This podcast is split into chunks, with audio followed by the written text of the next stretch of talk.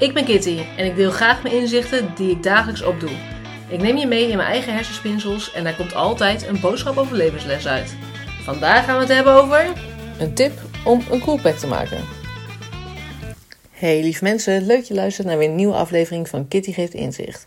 En vandaag een tip om een coolpack zelf te maken. En eigenlijk is dan misschien niet een tip, maar gewoon een, uh, een wist dat je een uh, handige do-it-yourself uh, advies, noem het hoe je het wil.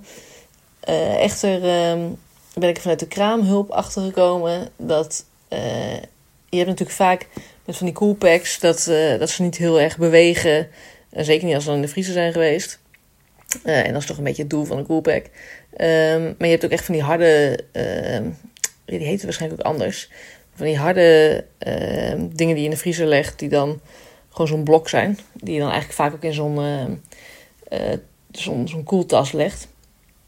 Um, echter is het zo dat zij aangaf dat het ook heel makkelijk is om zelf zoiets te maken. Sterker nog, je kan het zelf maken.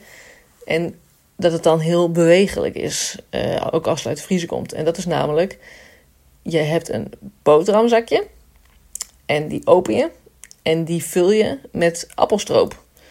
En die maak je dan dicht, die knoop je dicht, whatever. Die leg je in de vriezer. En als je die dan uit de vriezer haalt, dan is het gewoon heel bewegelijk. Dus je kan het in alle vormen, kun je het gewoon zelf vormgeven van hoe je, hoe je het fijn vindt. Uh, tip van Flip, um, wie weet uh, kun je er wat mee. Wie weet zeg jij, nou, dan koop ik gewoon liever een coolpack. Is ook nog misschien goedkoper dan een pot appelstroop.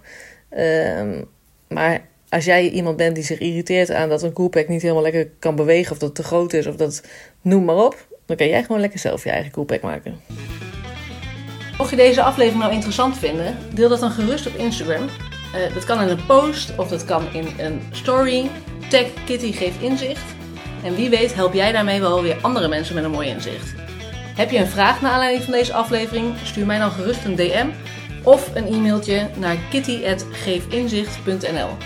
Bedankt voor het luisteren en tot het volgende inzicht.